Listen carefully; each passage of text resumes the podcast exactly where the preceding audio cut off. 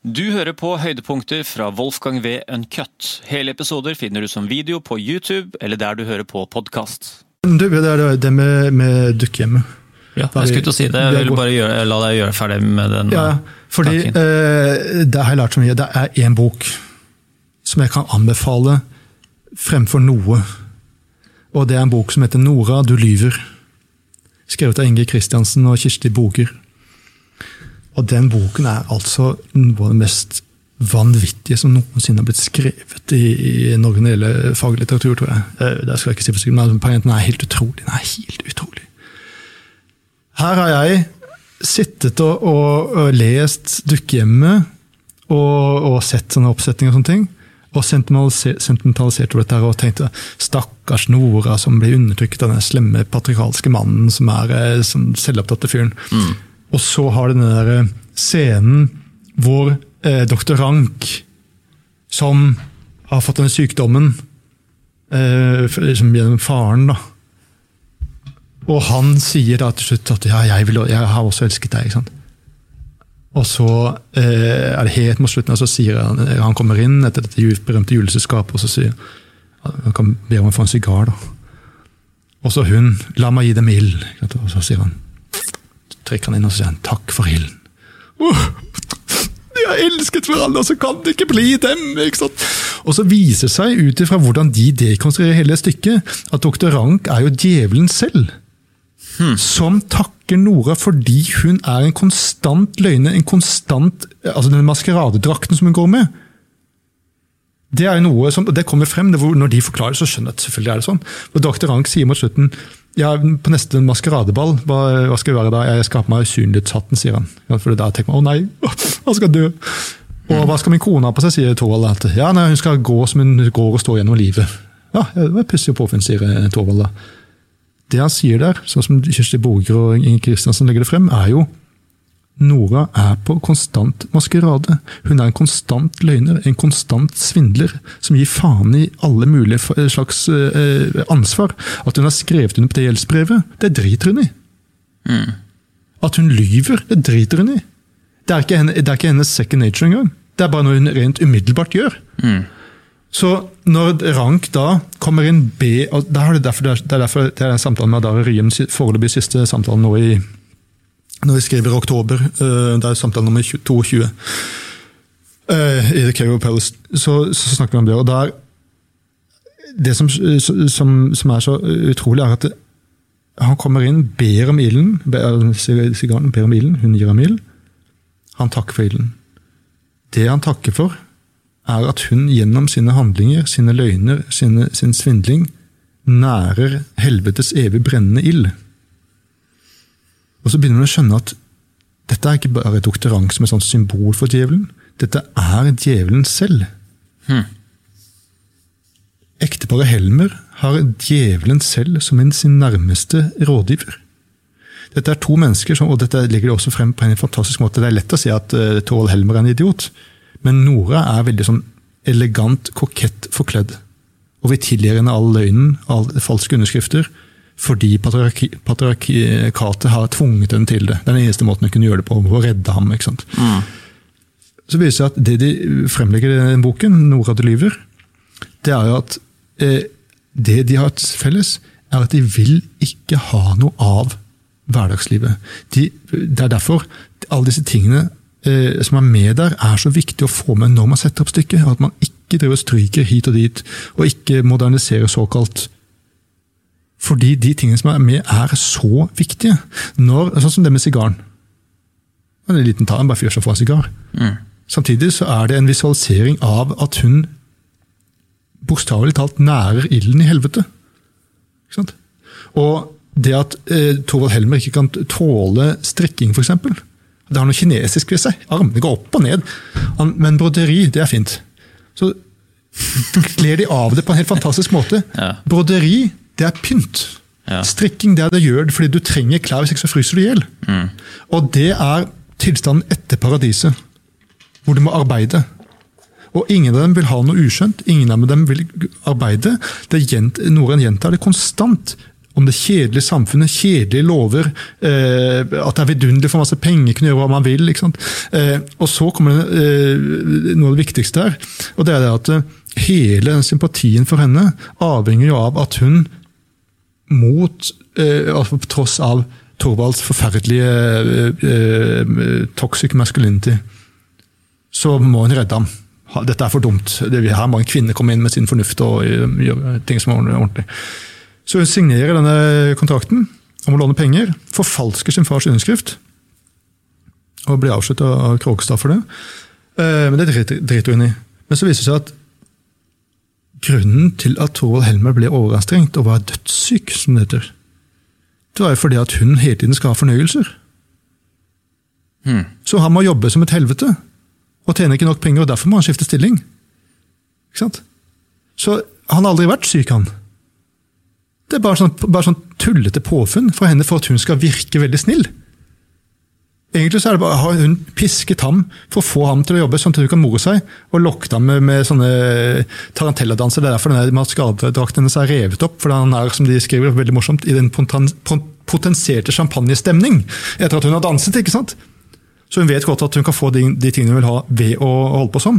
Samtidig så klarer Ibsen å gjøre det slik at vi tror at Torvald Helmer holder henne nede. Det er faen meg mesterlig. Og der skjønte jeg en ting ut av den samtalen med hun eh, Adara Ryim. Eh, med bruken av ironi, eller humor. Jeg hadde misforstått det begrepet før og trodde det bare handlet om sånn, eh, være morsom. liksom. Ja. Men den ironien hun, eh, han, eh, Ibsen bruker, er jo nettopp det at vi tror at Nora er en heltinne. Men hun er en ansvarsløs, selvopptatt, liten, bortskjemt dritunge. Torvald er ikke stort bedre. De store heltene her er egentlig Nils Krogstad, den som egentlig har lånt henne pengene, og som da eh, på en måte gir gjeldsbrevet tilbake fordi han kommer sammen med Kristine Linde. Og Jeg skal ikke ta hele analysen, men de, de får frem på en helt ufattelig overbevisende måte at du har Torvald og eh, Nora som de to menneskene på en måte i stykket. Så har du Rank, som er djevelen selv. Så har du Nils Krogstad. Nils av Niklas, Sankt Niklas, julenissen som kommer og skal eh, gjøre opp, for- fordi de må gjøre opp regnskap. Altså stå for det de har gjort. Nora må stå for det hun har gjort. Det er det hun ikke kan tåle. At ting har konsekvenser. Og så har du Kristine Linde. Kristus. Kristine Linde. Kristusfiguren som kommer inn og oppfordrer til at Nora skal, ta, skal liksom stå for det hun har gjort. Rank blir da helt forferdet, fordi han ser at offeret sitt kanskje kan eh, glippe. Men det er ikke noe problem, for Nora er ikke, hun er ikke kåt på å ta ansvar. Og så blir det Kristine Linde og Krogstad som representerer eh, frelsen gjennom, eh, gjennom korsfestelsen, gjennom å ta ansvar for det man har gjort. Og så kan vi si, ok, så begynner han å modernisere og politisere Ibsen, sånn som de alltid gjør. ikke sant? Dette er sånn feministisk, det er det Ryum fortalte meg, at ordet for feminisme på kinesisk er jo noraisme. Det er helt sant. Noraisme, så det er noraist. Og så skjønner man plutselig at det er fullstendig absurd. Det er fullstendig absurd. Hele hennes eh, handlemåte, hele hennes katarsis på, på slutten, at hun skjønner plutselig at hun ble holdt nede. Nå må hun liksom ta ansvar og, og våkne opp og ta fatt i seg selv og bli et voksent individ. Det er bare tøys, det. Det er fake news. Og det er, sånn, jeg så et annet sånt forhold en som heter um, Jon Nygaard uh, ved, ved Ibsens-senteret på universitetet. Som Ryum sendte til meg. Og så sier han det hadde jeg ikke tenkt på ordentlig, for man sitter fortsatt igjen i den der klisjeen om stakkars Nora. Så, eh, og jeg, jeg tror ikke jeg siterer ham helt riktig, men, men poenget var i hvert fall at hun kommer tilbake om ti minutter. Hva faen skal hun gjøre ute i kulden? Fryse? Skaffe seg jobb? Tjene penger? Det er ikke noe hun kommer til å holde på med. Enten er, så er hun tilbake om ti minutter, og så i løpet av en halvtime så har hun klart å snakke. Da, det, var, det var ikke noe likevel. Sånn. Akkurat sånn som med Jan Marie Ekdal i Villanden. Hvis ikke, hvis ikke han der elendige Greger Sværli hadde begynt å kødde med sannheten sin, så hadde alt det blåst over. Hedvig hadde ikke skutt seg, alt hadde vært i orden. Så hun kommer tilbake, eller så- som min kone nevnte, eventuelt så finner hun seg en annen Torvald. Poenget er at hun endrer seg ikke. Og da er det inne på det med toxic femininity. Fordi hva er det Man ser snakk om toxic masculinity. ikke sant? Og det er sånn, han Matt Walsh øh, har jo sagt han er på Daily Wire. Øh, Ben Shapiro sitt øh, konsern. da. Og så sier han Hva er det som skjer når du beskriver maskulinitet som toxic? Liksom dette med vold. da. Menn kan bruke vold, de er muskler. ikke sant? Jo, så begynner mennene å tenke nei, de skal ikke være toxic. Og så får de rabiate mennene fullt spillerom. Mm. Fordi hvis man skal stoppe dem, så må man bruke vold. Og det er jo toxic. Mm. Og da forsvarer man ikke kvinner.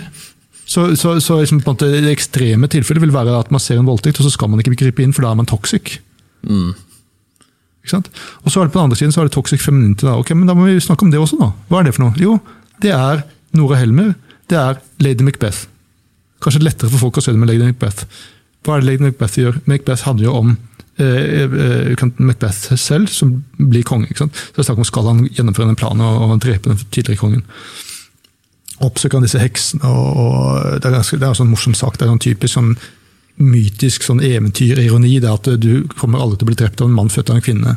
Og når han blir drept på slutten, så er det en mann, av en mann som er tatt av keisersnitt. Ja.